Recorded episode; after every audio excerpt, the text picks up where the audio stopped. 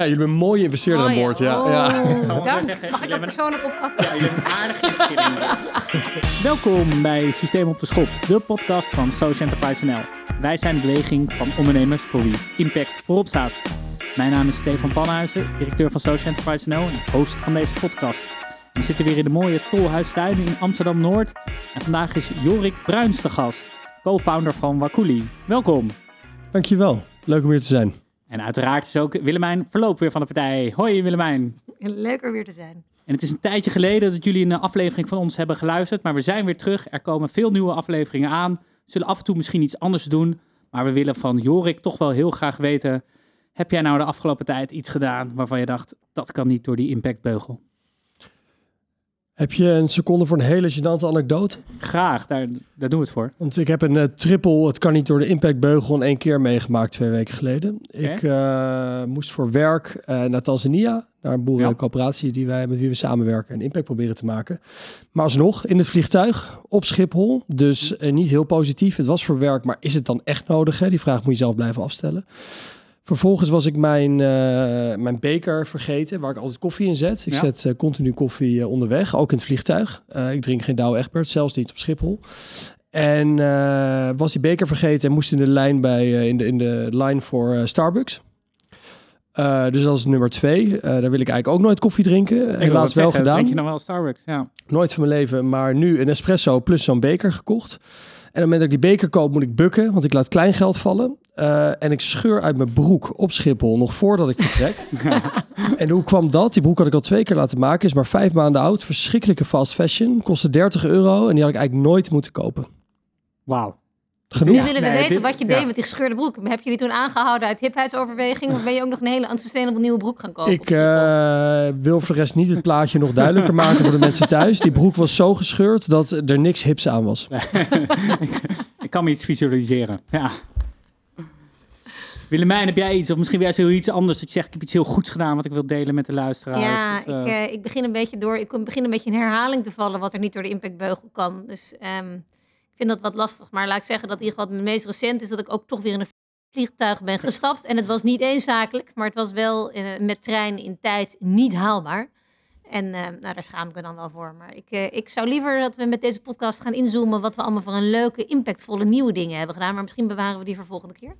Nou, leuk. Ja, ik denk, misschien kunnen we er nog een twist aan toevoegen. Ik moet zelf aan iets denken waar ik heel erg iets goeds probeer te doen. Dat is namelijk het, eh, het GFT-afval. Dat wordt in, het, eh, in Amsterdam niet standaard opgehaald. Maar er zijn er allerlei leuke, eh, leuke bottom-up initiatieven waar je dat wel kan doen. Dat heet van afval naar oogst. En dan wordt van je GFT-afval compost gemaakt. Het enige wat je hoeft te doen is af en toe met een ja, zakje afval naar zo'n punt in de buurt te lopen. Eh, maar het gevolg is dat er in eh, mijn huishouden al twee weken lang een zakje GFT-afval in de koelkast ligt. Van dat gaan we echt een keer wegbrengen.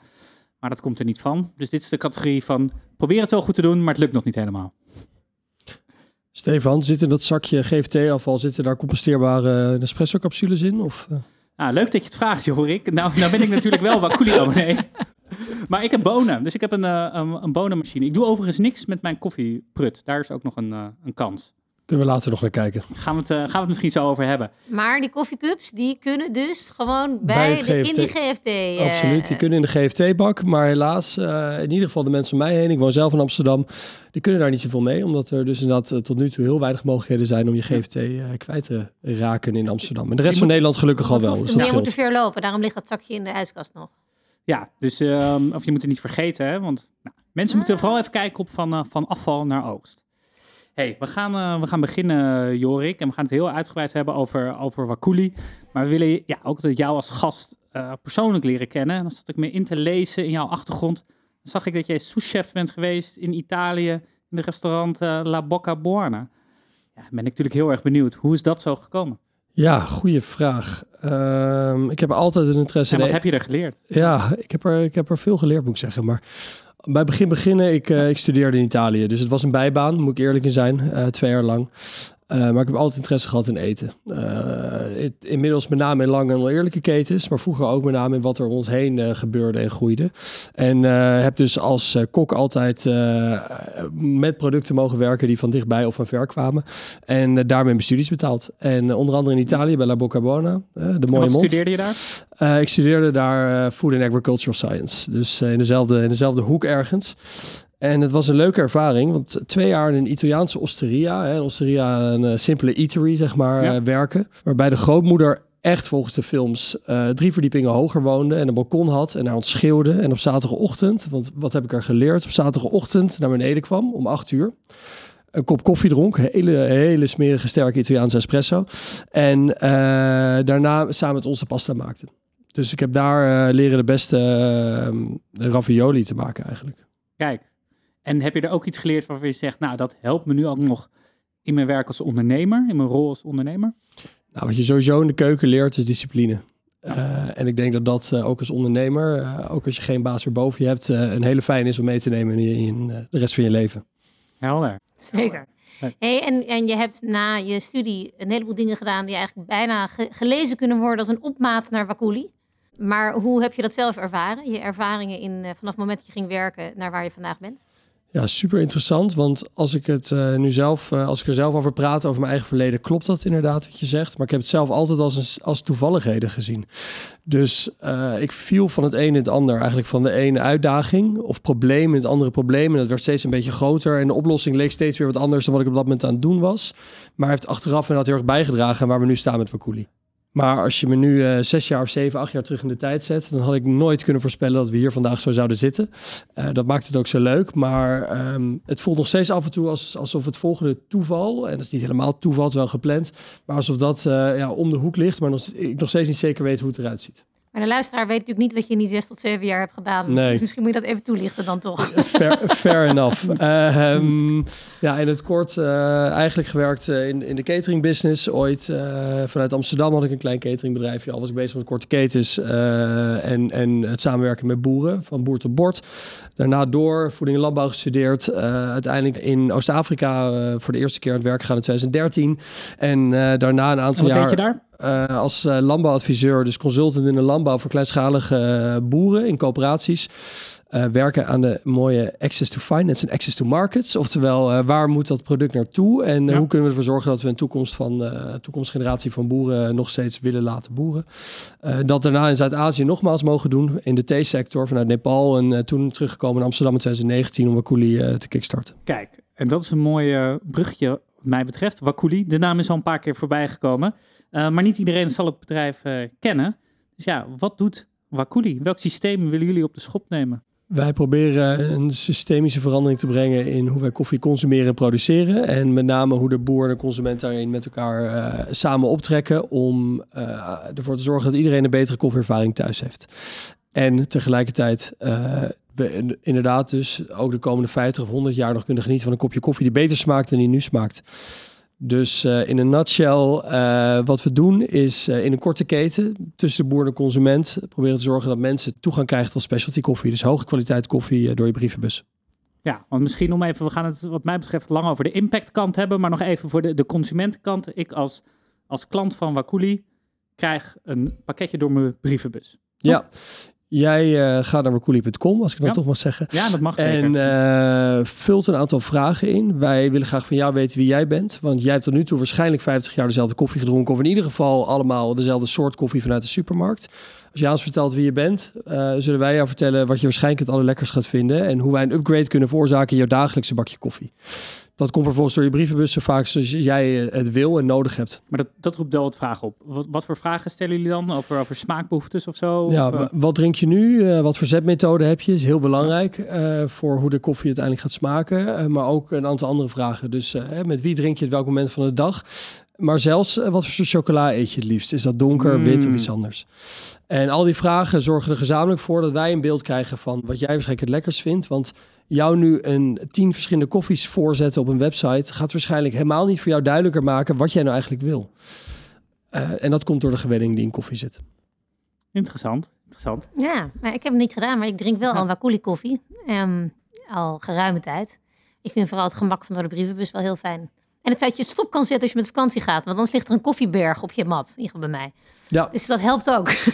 ja Nee, klopt. Ik ben ook... In het gebruikersgemak ervan in ieder geval. Het moet eh, gemakkelijk zijn. Ik denk dat we alleen zo een, eh, een groep consumenten aanspreken eh, die groot genoeg is om ook echt een verandering plaats te laten vinden in die hele markt. En dat gemak, dat gaat van het moment dat je, hè, dat je voor het eerst een, een keuze maakt, of dat jij een keuze met, je, met jou maken, Eh, tot aan inderdaad dat het op de brievenbus, eh, in de brievenbus ligt. Maar ook eh, dat je stop kan zetten. Of juist een emergency levering de volgende dag binnen kan laten komen zonder extra kosten. Helder. Ik wil nog even het reclameblokje afmaken. Bonen, cups, gemalen koffie. Is dat... ja, bonen, verschillende deal. soorten gemalen Ja. koffie. uit verschillende origins. We werken samen met boeren in 14 landen. En capsules. Nespresso. Ja. Niet geleerd aan espresso. Nee. Composteerbaar nogmaals. En eh, ja, Check. door je brievenbus. Maar het valt me dan op dat we vragen welk systeem wil je op schop nemen. Dat je met name praat over de, de, de smaak en, eh, ja, kan en, gemak. Ik, ik, vroeg daarnaar. Ja? Ja. Oh, ik dacht van grappig, want dat is natuurlijk eigenlijk het, wat, wat ik ben gewoon benieuwd, is dat het systeem wat je echt wil veranderen? En waar ligt dan het systemische stuk van wat je wil doen? Zit hem dat in die smaakbeleving van betere koffie? Nee, we denken dat door de smaakbeleving van betere koffie weer een systemische verandering kunnen laten plaatsvinden. Dus dat is denk ik echt een, eh, de motor om ervoor te zorgen dat mensen gemakkelijk over kunnen naar een alternatief die ervoor zorgt dat we degene die ons kopje koffie produceren ook kunnen waarderen voor wat hij of zij doet. En dat kan wat, heel. wat gaat daar allemaal mis nu? Waarom? Eh, het, is een, het is op dit moment een commodity-markt. De prijs wordt vastgesteld in New York voor Arabica. Even de twee grote koffies, Arabica Robusta en in Londen voor Robusta. En eh, afhankelijk van eh, deze wereldkoffiemarkt staat er een prijs op dit moment op een, op een, eh, op een kilo koffie of Ja. een pound. En, en toch nog even commodity voor luisteraars die het niet kennen. Graan is een commodity, eh, Olie. suiker, olie. Ja, dus Ja. het worden wereldwijde markten, wordt Precies. de prijs bepaald. En koffie is niet zomaar eentje. Het is eh, qua waarde het meest geconsumeerde wat wij als, als consumenten tot, tot ons nemen in de wereld. Eh, 200 miljard dollar gaat erin om. Dus we hebben het niet over zomaar een beetje, eh, een beetje koffie in een kleine markt. En eh, op het moment dat wij niet kunnen onderscheiden waar die koffie vandaan komt, wat het eventueel aan smaak voor ons kan brengen, dus de herkomst zou kunnen waarderen, maar dat allemaal in één systeem trekken, dan zorgen we ook voor dat we nooit mensen daarvoor gaan waarderen voor die productie daarvan. En dan maken we koffie interchangeable, alsof, alsof alle koffie hetzelfde smaakt. En dat is pure onzin. Dat is op kleine schaal echt wel bewezen. We weten dat koffie afhankelijk van waar het vandaan komt, wie het produceert, hoe het geproduceerd is, welke variëteit het is. Eh, het terroir, hè, net zoals met wijn of met kaas, weten we dat dat bijdraagt aan die specifieke smaak. Maar die wordt er niet gedaan door een markt die dat niet waardeert. En dat heeft heel veel redenen, daar gaan we vast verder nog even op in. Graag. Maar eh, voor ons is het voornamelijk belangrijk dat we dat systeem veranderen. Dus dat we die waardering erin brengen, maar met name ook laten zien dat smaak gewoon eh, eigenlijk leuk is. En smaak in koffie dus ook leuk is. En als je daar een klein beetje meer waardering voor hebt, dat we daardoor ook een boer kunnen betalen eh, wat hij of zij nodig heeft om weer een volgende generatie te laten boeren en te investeren in Ja, zijn want eigen laten we even op die... Op die boer inzoomen, ja, die want het, het, het, zoomen, het commoditieprobleem heeft dus ook een groot probleem voor al die boeren. Ik, ken jullie bedrijf goed, even voor de luisteraar. Ik heb geïnvesteerd in Wakuli, dus ik zit hier totaal niet objectief in. Eh, Ik ga nog onafhankelijk. kritisch aan de tand voelen. Ja. Ja. nee, maar goed, dat- dan, dan, zoek ik naar. Ik, kijk, voor mij is het, is het een bekend gegeven dat een heleboel van die ketens, eh, dat degene die aan het kortste eind trekken, degene zijn die, die die kwaliteit moeten leveren. Ja. Namelijk degene aan het begin van de keten. Maar eh, ik denk dat het toch nog even voor de luisteraar wel interessant is hoe ernstig dat eraan toe gaat aan, in de koffieketen. Ja, absoluut. Nou, het is een, eh, een zandloper. Om het heel kort uit te leggen, het zijn 12,5 miljoen kleinschalige boeren, maar meer dan 100 miljoen mensen in de Global South, dus in Latijns-Amerika, Azië en met name Oost-Afrika, die op dit moment afhankelijk, direct afhankelijk zijn van koffie en tegelijkertijd in de koffiecrisis van de laatste jaren vaak minder krijgen dan de kosten van de productie van die koffie. Oftewel, het is de laatste jaren voor heel veel boeren zelfs niet eens waard geweest om de koffie te plukken, omdat het duurder is dan het te laten hangen aan de takken. En, en waarom doen ze het dan toch? Vraagt de... de Een, aantal, een aantal doen het niet meer. En de reden waarom Ja. ik zei, ik ga weg uit de consultancy en we gaan zelf onderdeel worden van het probleem. En hopelijk ook de oplossing. Is het moment dat eh, vrienden van mij in Zuidwest-Tanzania, waar ik toevallig dus laatst weer was, zeiden: Oké, maar Jorik, het is mooi geweest. We trekken de koffieplant eruit en we, we gaan mais verbouwen. Want mais Ja. kunnen we tenminste nog eten en koffie voedt niemand hier. En dat deed mij heel veel pijn om meerdere redenen. Allereerst omdat ik zelf koffie een heel vet product vind. En ik denk dat we er met z'n allen, eh, eh, naast dat het de olie van de maatschappij is, dat we ervoor zorgen dat we kunnen opstaan, ook echt veel plezier in kunnen beleven. Maar ook vanuit productieoogpunt, omdat er heel veel verloren gaat aan kennis en kunde over hoe je koffie maakt. En het is ook nog een keer slecht voor het milieu. Want stel je voor dat je van een, van een eh, farm toe gaat, waarbij er meerjarige koffieplanten intercropped, zoals het moeilijk heet, hè, tussen de bomen, tussen de andere fruitsoorten Ja. verbouwd wordt, versus mais. Mais mono, elk- eh, mono. Mono, Ja. monocrop die elk jaar weer opnieuw wordt geplant, waarbij we veel meer uitputting van de bodem hebben en allemaal andere problemen. En dat vervolgens met een Ja, dus goede het goede van nieuws koffie. is, de wereld heeft koffie nodig. Ja, absoluut. Het gaat, het gaat om de manier hoe we het waarderen. En dat we ervoor zorgen inderdaad dat die 12,5 miljoen boeren... plus al die mensen die daarvan afhankelijk zijn... ook een business kunnen bouwen. Het gaat niet om, om, om surviving, maar om thriving. Eh, Ook daar uiteindelijk. Hè? Ja. Het gaat erom dat we, dat we een business kunnen bouwen... waar we allemaal beter van worden. Eh, dus dat je aan beide kanten van de keten eh, aan het winnen bent. En dat is in dit geval en de producent en de consument. Het kan in ieder geval wel. Helder. En, en als ik het goed begrijp, kopen jullie direct van de boer. Kan dat, Dat- überhaupt? Ja, dat is te simpel, helaas. Dat kan niet altijd. Ehm, dat hangt vanaf waar we, waar we kijken. We kopen altijd in met directe wetenschap wat de boer verdient van die exacte kilo koffie. En normaal gesproken in ook de driehoeksverhouding met dan de coöperatie, waarbij we met de boer in gesprek gaan over die prijs. En wat er nodig is voor de, voor de komende jaren om te kunnen herinvesteren. We betalen niet direct die enkele boer. Want je kan je voorstellen, één boer maakt een paar honderd kilo koffie. Eh, wij verwerken bijna 200.000 kilo koffie komend jaar. Eh, dus we kunnen niet met iedereen individueel die prijsafspraak maken. Maar boeren verenigen zich in boerengroepen. Dat kan rondom eh, een, een, eh, een coöperatie zijn of een associatie of iets dergelijks. En daar werken wij mee samen. Helder. En Ja. hoe, hoe ehm, ik vroeg me af, ja, hoe kies je die coöperaties of die boeren waarmee je gaat werken? Eh, Zijn jullie gewoon naartoe gegaan en gezegd, wij zijn Wakuli uit Nederland, willen jullie wat meer betalen? Doe je mee? Ehm, ja, nee, zo makkelijk was het niet. De eerste coöperaties die eh, aan zijn gesloten eh, bij ons en, en leveren aan de consumenten hier, eh, komen uit eh, ons netwerk. eh, en de jaren die we hebben doorgebracht in, in Oost-Afrika en andere plekken. Coöperaties waarvan we weten dat we echt waarde kunnen toevoegen, omdat ze tot nu toe hele beperkte toegang hebben tot de markt. En moeite hebben, ondanks de kwaliteit van het product, om eh, daar de juiste prijs voor te krijgen. Als wij weten dat we die waarde kunnen toevoegen, en dat kan heel vaak, bijna altijd, eh, dan is het een, een reden om samen te gaan werken. En daarnaast kijken we altijd naar andere problemen die we daar met elkaar kunnen oplossen in die keten, waarbij we tot van consument en producent hè, dat kunnen communiceren. En worden jullie ook opgezocht van, hey, dit is een partij die het die wil het fatsoenlijk Ik- aanpakken, daar wil ik ik, denk dat mee we, doen? we krijgen drie aanvragen per week eh, van eh, NGO's, dus hè, lokale Ja. partijen on the ground, van overheidsinstanties, van boerencoöperaties zelf. Gemiddeld denk ik drie aanvragen in de week. Eh, is, er, is er meer markt? Kunnen wij wat met jullie? En helaas kunnen we daar nog hè, niet met al die aanvragen wat doen, want wij moeten natuurlijk ondertussen de markt hier laten groeien en mensen ja, nog, nog makkelijker overtuigen dat smaak makkelijk haalbaar is. En die gaan lange termijn samenwerking aan met de koops waar je wel mee werkt, neem ik aan. Ja, dus we werken nu in belangrijke. 14, 14 landen met coöperaties samen. Eh sommige vanaf het begin, dus eind 2018, toen we de eerste koffie inkochten.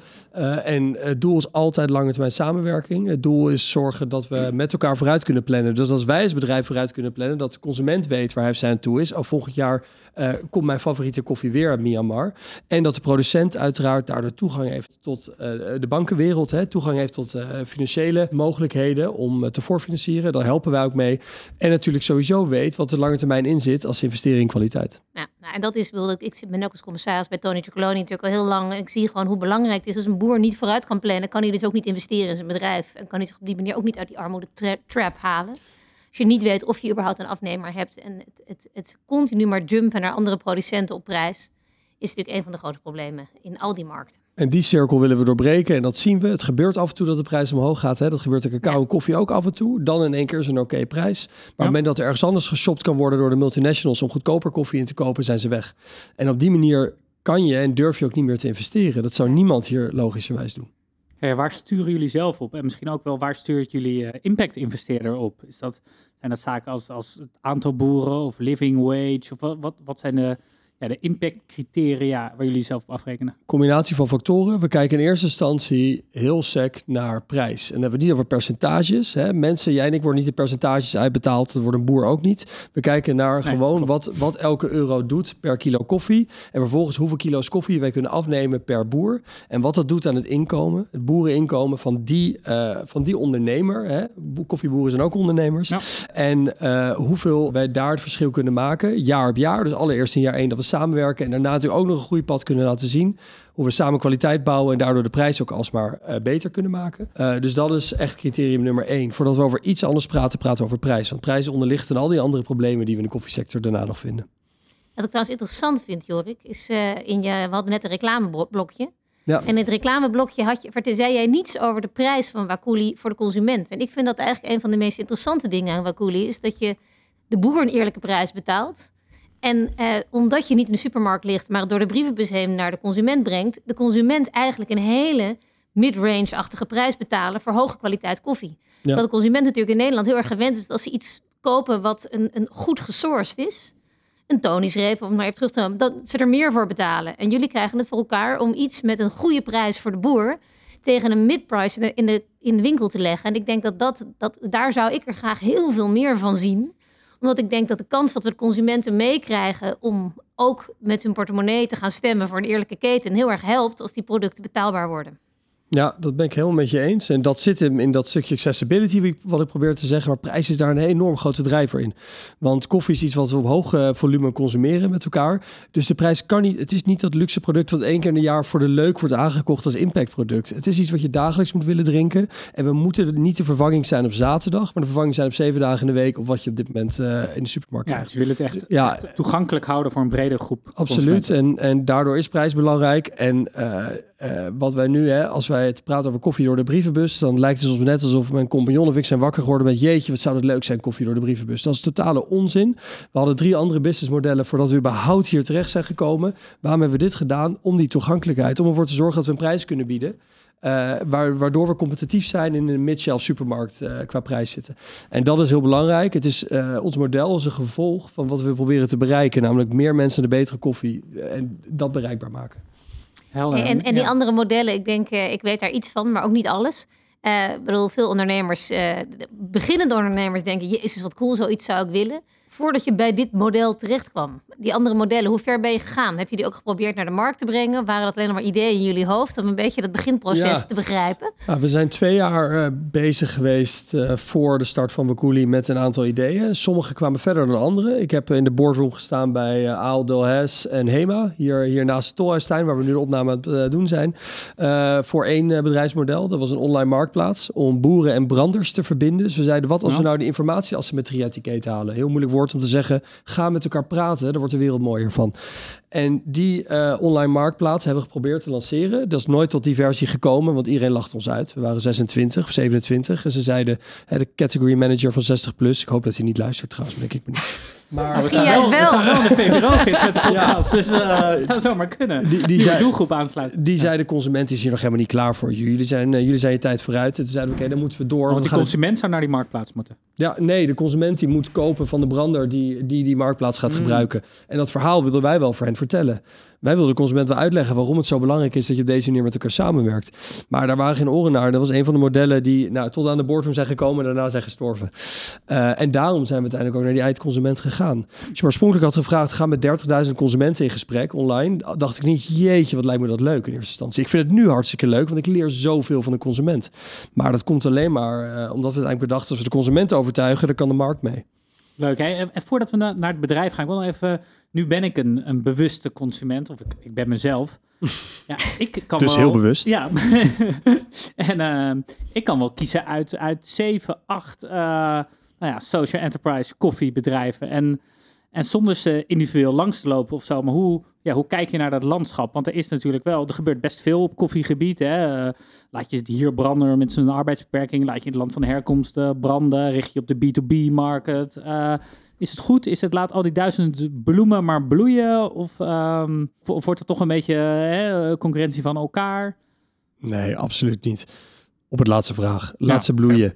Eh, we kijken naar een markt die gedomineerd wordt door een paar hele grote spelers. In het midden van die zandloper waar ik het eerst al even over had, hè, waar die Ja. 100 miljoen mensen onderin zitten. Wij met elkaar, en dan durf ik nog wel te zeggen dat wij misschien wel aan de, een van de grotere zijn binnen het eh, impact eh, koffielandschap. eh, bestrijken nog geen procent van de markt. Dus laat iedereen groter worden in hun eh, segment. Hè. De- mag Ja. dat B2B zijn of ergens anders. Wij hebben er specifiek voor gekozen om, het, om de, de accessibility te vergroten. Eh, en ik denk dat veel bedrijven in een niche zitten en dat zijn voorlopers. Ook jouw koffiebrander op de hoek die probeert beter te doen. Ja. Ga daar vooral je koffie drinken als je buiten de deur koffie drinkt. Want die heeft ook een idee over kwaliteit. En daardoor waarschijnlijk een andere eh, betaling naar de boer. Eh, maar vervolgens willen wij ervoor zorgen dat de, de rest van Nederland, die daar geen toegang tot heeft, ook overgaat. En ik denk dat dat het belangrijkste is. En laat iedereen die iets anders doet eh, dan, de, dan de oude industrie vooral eh, floreren. En welke vind je dan vooral heel bijzonder? Welke andere concepten waarvan je zegt dat is mooi? Mag ik dat niet vragen? Dat beetje concurrentie kan, kan reclame hoort er ook bij, hoor. Eh, ja, absoluut. Ik, eh, ik ben zelf eh, groot fan. En dan moet ik ook direct zeggen, het zijn ook vrienden geworden in de sector. Hè? We werken samen onder andere in de Future Proof Coffee Collective van Oh, MVO, MVO Nederland. Ja. Nou, dat klinkt heel hip. Dat is ook best hip, want het zijn gewoon bedrijven die samenwerken richting het True Price. Hè? We zijn Ja. elkaar True Price berekeningen aan het doen in verschillende origins op het moment. Eh, is uh, This Side Up Koffies. Eh, hier uit Amsterdam zijn een paar, paar jongens die ik al ken uit uit de, de Congo-tijd. We hebben daar samengewerkt met een coöperatie in, in Oost-Congo. En eh, die werken specifiek om eh, de overheden als eh, early adopters van goede koffie. Ik wil het zeggen, Nice. ik denk waar ken ik van? Dat is er gelukt ook, toch? Zij hebben net een aanbesteding gewonnen afgelopen jaar bij Ja. Rijkswaterstaat. Ja. Rijkswaterstaat is over op direct trade koffie, waar de boer beter betaald wordt. Eh koffies waar wij ook mee werken onder andere. Nou, en als je nou ergens denkt, waar kan je ervoor zorgen dat je snel... Waar wordt veel koffie gedronken? Waar wordt veel koffie gedronken? Waar wordt veel van de allerslechtste koffie gedronken? Ja. En, Ja. en, sorry. Slecht, ja. En, en, waar, en waar zou de overheid in moeten investeren? Investeer in die koplopers en zorg dat je als, als, eh, hè, als adopting, hoe noem je dat? Als eerste customer, launching, Ja, customer. customer. Ja. Eh, Zorg dat je dat, je dat eh, hoog op de agenda zet. Ik denk dat Rijkswaterstaat, nou, shout-out naar hen dan ook Ja. vandaag, Ja, en dat goed mooi. heeft gedaan. Hashtag by Maar wat gaaf dat collectief, dat jullie dat met elkaar aan het zoeken zijn naar die true price. En dat je daar met elkaar in samenwerkt. Ik denk dat dat super belangrijk is. Ja. Ik denk dat ook dat verhaal ook voor de, niet alleen de, de consument, maar alle andere ondernemers die eh, ook graag naar deze podcast luisteren. Eh, we- we zoeken ook altijd naar waar kan je elkaar nou helpen om die versnelling, eh, die systeemverandering te vergroten. En dat zit natuurlijk ook in dit soort initiatieven. Ja, absoluut. En iedereen heeft zijn eigen markt en messaging, maar we werken er samen aan de achterkant om te kijken, om, om te be- bewijzen eigenlijk dat het anders kan. En eh, daarom juist, hoe meer samenwerken, hoe beter in die zin. Leuk, super cool. Hey, ik wil ook even wat meer inzoomen op de, ja, de bedrijfsmatige kant. Ik kwam net binnenlopen hier in de studio en ik, ik dacht, eh, waar ken ik je nou van? Is het Dragon's Den? Nou, dat vind ik er inmiddels één uit de oude doos, eh, Stefan. Want Maar die voor, komt... voor, voor degenen die dat verhaal niet, eh, niet kennen, misschien kort en krachtig. Jullie, Ja, hebben, jullie hebben meegedaan aan het tv-programma Dragon's Den. Kort en krachtig. Einde eerste jaar onderneming. Dus in eind 2019 eh, werden wij gebeld. Hier willen jullie meedoen. Eh, we hadden bijna geen funding. Dus eh, ik werkte in de weekenden, uh, tapte ik bier om door de week iemand te kunnen betalen met ons mee te werken. En mijn compagnon deed ongeveer hetzelfde. En wij dachten, jeetje, wat een mogelijkheid. Van een miljoen mensen kijken, je weet maar nooit. En we vonden het heel eng. We wilden allebei niet op televisie komen. Ik vind een podcast echt wel het maximale wat ik eigenlijk normaal gesproken het liefste doe. Uh, maar we denken, we kunnen deze kans. We zijn echt, uh, ja, we kunnen onszelf niet in de spiegel aankijken als je de kans niet uh, die aangaat. Ook al wist je wie daar zit als investeerder. Misschien niet de allereerste die we zelf hadden uitgekozen. Um, we zijn daar naartoe gegaan. 50 minuten opname. Dat is een paar maanden later uitgezonden in drie minuten. Mijn eerste quote is de laatste quote geworden en andersom. Uh, er is weinig van overgebleven. Hmm. En zeker geen investering. Nou, dat was oké, okay, want er was gewoon geen match. En misschien was dat ook wel, wel goed voor ons. Maar daar kan je me van kennen. Ja. Uh, ben ik zelf dus niet het allertrots op. Ja. Waar ik wel trots op ben. Uh, en dan even het linkje naar Willemijn hier in de studio. Misschien weet ze het zelf niet eens. Ik, ja, ze weet het ja, zelf. Eska had Dragon's Den gezien. Eske Scavenius, uh, ja. investment director hè, bij, ja. bij jullie, bij Rubio. En ook onze directe liaison vanuit Rubio met, met Wakuli. Die zag ons op Dragon's Den. En uh, die uh, stuurde een LinkedIn berichtje op maandagochtend, volgens mij, na de weekenduitzending. Naar zowel mij als mijn compagnon Luc, Lucas. Ja, en uh, ik belde op. Ik zei, oh, wat leuk. Je weet nog wel, toen nog Social Impact Ventures. Hadden we natuurlijk al vaak over gehad, maar we durfden nog niet naar hen toe te stappen. Daar waren we nog net wat aan de kleine kant voor. Eske van Rubio, of destijds uh, Social, heeft even een bericht. Hij zegt, nou mij ook, dan betekent het echt wat. en, toen, uh, en toen zijn we in gesprek gegaan. Dat heeft nog heel lang geduurd natuurlijk, voordat we uiteindelijk uh, eruit zijn gekomen op de ja, goede maar dus manier. uiteindelijk heeft Dragon's Den wel tot een investering geleid. Dat Absoluut. is eigenlijk het mooie. Want wat de vraag is, of ik denk dat we jullie anders ook wel hadden gevonden. Of, of jullie ons als investeerder, omdat jullie natuurlijk onderdeel ook zijn van het Social Enterprise Network. Zeker. Maar toch, het was die uitzending die uiteindelijk het eerste zaadje plantte om dat gesprek te starten. Absoluut. Dus zo levert En- het toch weer wat op. Wat sprak jullie als investeerders, impact-investeerders aan in Wakuli? Nou, Weet je dat de- nog? Ja, eigenlijk wat ik, wat ik net al gezegd heb. Voor ons is het, het belangrijkste ervan dat, je, dat het een systeemverandering teweeg kan brengen. Wij kijken alleen maar naar ondernemers die potentieel systemische impact kunnen hebben. Daar voldeden ze aan in wat ze in de keten aan het veranderen zijn. En het feit dat ze een impactproduct tegen een mid-market prijs bij de consument. En daarmee echt een, een, een, een versnelling kunnen creëren in hoeveelheid consumenten die bereid zijn om dit te gaan doen. Dus ook die, die, die educatie en verandering in die consument, eh, eh, het beschikbaar maken bij de consument. Die componenten vonden we heel goed. En dan kijk je naar team. En dan heb je Jorik en Lucas eh, als twee hele bevlogen, inderdaad jonge honden, maar wel met echt kennis van de hoeveelheid jaren die Jorik in het veld heeft gezeten. Is voor ons heel erg belangrijk. Je gaat niet Ja. naïef proberen een keten te veranderen. Je weet verdomd goed hoe die keten in elkaar zit. En dat zijn allemaal elementen waar je naar kijkt. En ik vind het direct-to-consumer business model, dus het direct naar de consument en die retail eruit knippen, vind ik een geweldig model om veel impact in te kunnen maken. Dus daar hoop ik ook nog veel meer van tegen te komen in de toekomst. Van de D2C modellen met ja. grote impact. Want dan hou je gewoon marge over waarmee je die boer echt een stap vooruit kan helpen. Of wie er ook aan het andere eind van die keten zit. Ja. Dus, Ja. ehm, Eh, een paar keer komt de naam van Lucas al voorbij. Lucas Gosveld, jouw, jouw co-founder. Dus je hebt met z'n tweeën opgericht. Hoe, hoe verhouden jullie je een beetje? Wie, wie brengt wat in Hoe het bedrijf? verhouden we ons een beetje? we zijn heel anders. Je zijn extreem complementair. Ja, we zeggen. zijn echt eh, dag en nacht in profiel. Ehm, wat klinkt alsof het kan botsen. En dat kan het ook heel af en toe. Daar ga ik gewoon eerlijk in zijn. Ja. Maar het is met name versnellend werkt het. Dus ook intern proberen we iets te versnellen.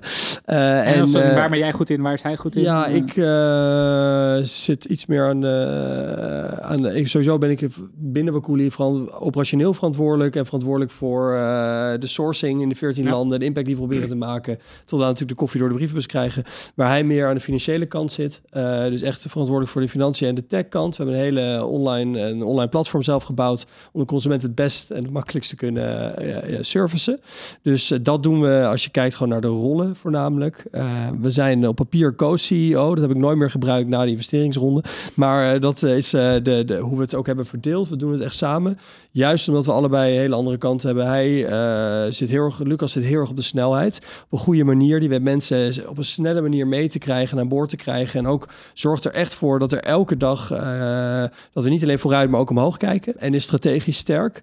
Is de snelheid moet die af en toe afgeremd worden. Eh, maar dat is ook het leuke. En daar hebben we nu ook mensen omheen verzonnen. We hebben nu ook eh, ja, andere collega's die daar heel erg goed in zijn. eh, om- En jullie hebben een derde directie, directielid die vrouw is. Dat vind ik ook een hele mooie. Ik ben Ja. benieuwd of die diversiteit ook nog wat nieuws brengt bij deze twee founder Nou, ja, en dat was heel duidelijk. We stonden eigenlijk natuurlijk, als je kijkt naar de maatschappij, 10-0 voor. Maar als je kijkt naar wat wij wilden, 2-0 achter. Als, eh, als twee eh, witte middelklas founders. Eh, mannelijk. Ja. Dus voor ons was het niet in vragen dat we nog een man in de directie, zoals jij dat noemt, hè, in ons leadership team erbij zouden krijgen. Ze hebben Lies Ollier als derde persoon eigenlijk tussen ons in erbij gekregen. Die verantwoordelijk is voor de marketing. En verschrikkelijk goed is in wat ze doet. En ook heel veel rust brengt in de tent tussen ons twee. Ja, Ja, want en- waar, waar, waar- dat maakt natuurlijk wel nieuwsgierig. Die paar keer dat het echt knetterde, over wat voor dingen gaat het dan? Oh, simpelweg eh, als we te weinig communiceren. Ja. Zolang we met elkaar blijven communiceren en we checken dagelijks in hoor. Ik bedoel, we Ja. hebben altijd om, eh, om zeven voor negen hebben we een check-in. Maar eh, als wij te weinig communiceren, dan merk je dat je allebei een andere kant op loopt. En dan moet het weer even bij elkaar komen. En door onze extreem snelle communicatie, die ik denk als externe het zou lezen als hard wordt ervaren, maar voor ons is het efficiënt, kan dat gaan knetteren op het moment dat je niet met elkaar incheckt over of we nog op de juiste lijn zitten. En Ja. dat gebeurt heel af en toe, maar eigenlijk kan ik me niemand, ja, dat klinkt bijna romantisch, maar kan me niemand beter Het wordt heel zoetsappig nu. eh, Ja, ja, maar- nou maar ja, het is maar echt een waar. co-founder is toch ook echt een partner? Dat is Absoluut. Maar dan, gewoon een soort relatie? Hoe is deze bromance ontstaan? Ja, deze bromance, nou, dat is, het is wel echt wat dat betreft zakelijk. Maar Ja. eh, ik eh, in een... in een setting in Londen. Ik, ik heb daar een master gedaan en hij Ja, ook eh, destijds. En eh, niet dezelfde master. Eh, maar we hadden allebei interesse in, in dezelfde problematiek. En gingen daardoor naar een aantal lezingen in Londen. En dat deden we veel samen. Uiteindelijk ronden dat ook af in, in bier drinken, et cetera.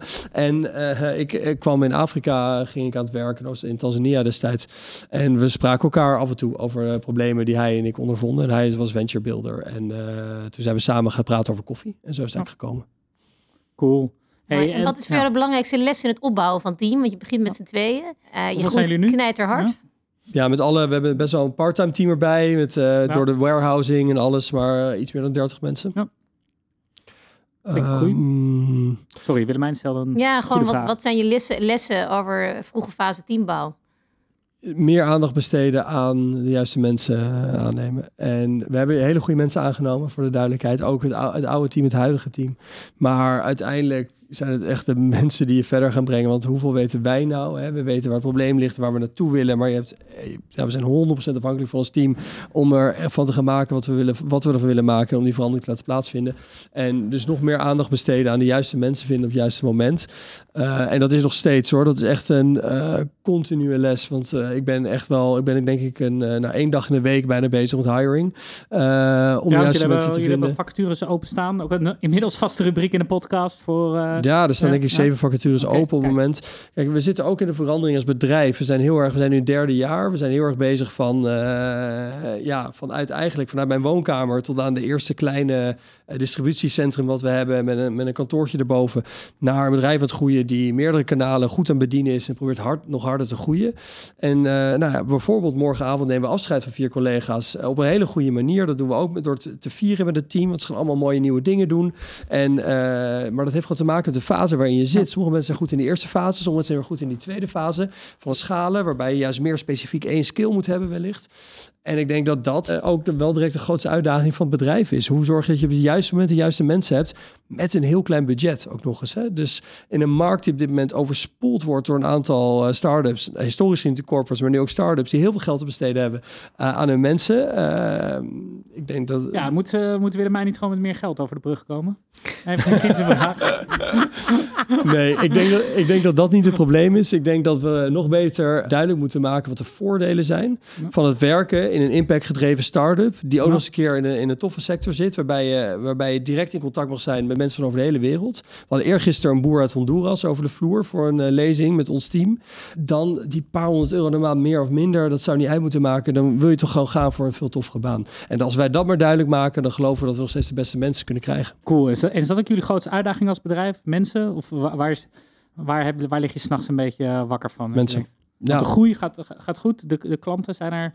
Ja, we, we willen Naar Duitsland net, toch? Ja, we zijn, we zijn net uh, twee maanden in Duitsland ja. live. En daar hebben we de eerste 1500 klanten aan boord. Dat is echt ja, super tof. Heel cool om een nieuwe markt in te mogen gaan. Uh, Ganz toll. Ja, ja absoluut. En uh, dat, gaat, dat gaat allemaal goed. En tuurlijk willen we nog harder groeien. En uh, er mag nog meer gebeuren.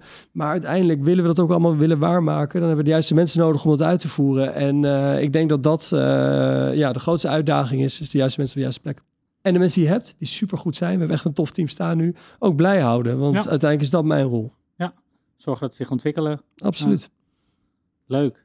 Ik heb heel veel geleerd, uh, Jorik.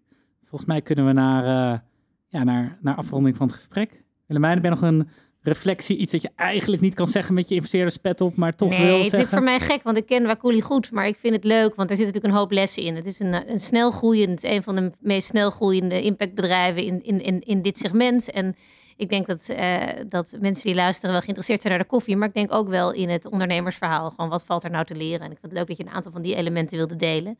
Want uh, het is, ik las in het laatste rapport wat uh, Universiteit Utrecht en TechLeap uitbracht ja. vorige week ja. over Nederlandse uh, start-ups en scale-ups. Dat we in Nederland toch best een hoop start-ups hebben, maar beduidend minder scale-ups. Dus dat Nederlanders inmiddels wel graag willen ondernemen. Maar toch nog, en, en dit zijn mijn woorden, zo zegt het rapport het niet.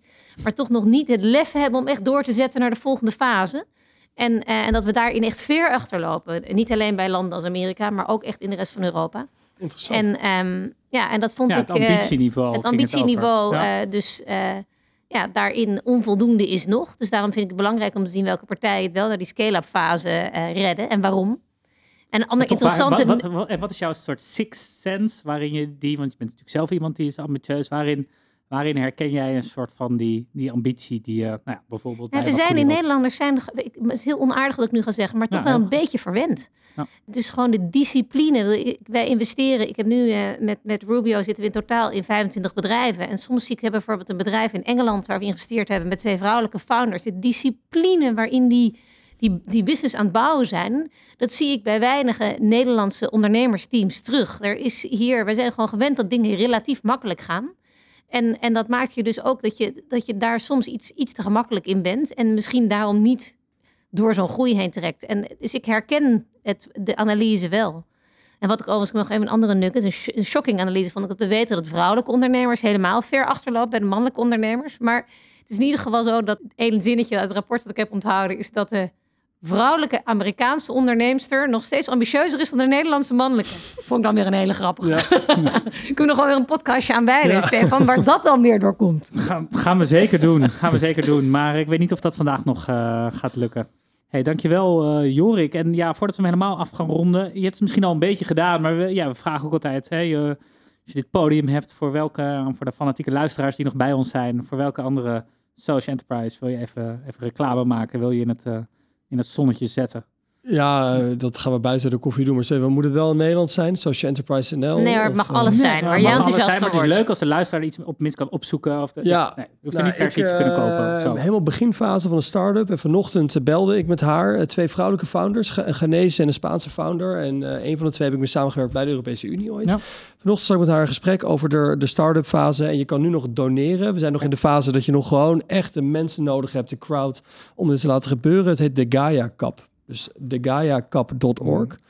Eh, Gaia, mama, Gaia, planeet. Schrijf je dat, ik aan. Gaia Kap? De GaiaCup.com is T-H-E G-A-I-A-C-U-P.com. GaiaCup.com. Top. En eh, de Gaia Cup is eh, een menstruatiecup die reusable is. Eh, en zij zorgen, en met name in Ghana, ze verkopen in Spanje en Portugal. Ja. En de profits van Spanje en Portugal gaan naar Ghana, waarbij die met korting worden uitgedeeld, of zelfs op afbetaling, voor met name vrouwen in rurale gebieden, met name meisjes in rurale gebieden. Herbruikbaar, heel betaalbaar. En die zorgen ervoor dat meisjes niet meer tijdens de menstruatie thuis hoeven te zitten, maar gewoon naar school kunnen of aan het werk kunnen. En dit is iets wat ik gek genoeg, ik bedoel, uiteraard, ik spreek hier als man, eh, maar zoveel heb gezien in de landbouw op het moment hè, in plekken als Nepal, in, in, in Congo Tanzania, waarbij gewoon een aantal dagen per maand vrouwen niet meewerken en meedoen in de maatschappij. En dat is heel schadelijk voor, voor deze meisjes die dan niet naar school kunnen en moeten onderbreken. En ik vind het gewoon een heel tof product waarbij ik denk dat ze echt een probleem aan het oplossen zijn, die ook nog eens een keer zowel in Europa als Afrika tegelijk wordt gelanceerd. Wat ik heel, wat, ja, wat ik, waar ik persoonlijk helemaal blij van word. Super gaaf. Mooi initiatief. De Gaia Gaia Cup. Cup. Gaan we allemaal naar kijken en doneren en supporten. Dankjewel Jorik, dankjewel Willemijn, dankjewel wel ook Lieve, Mieremans, onze producer, zetten we veel te weinig in het zonnetje. Dit was weer eh, Systeem op de Schop. We komen de komende weken met veel nieuwe afleveringen en eh, tot de volgende keer.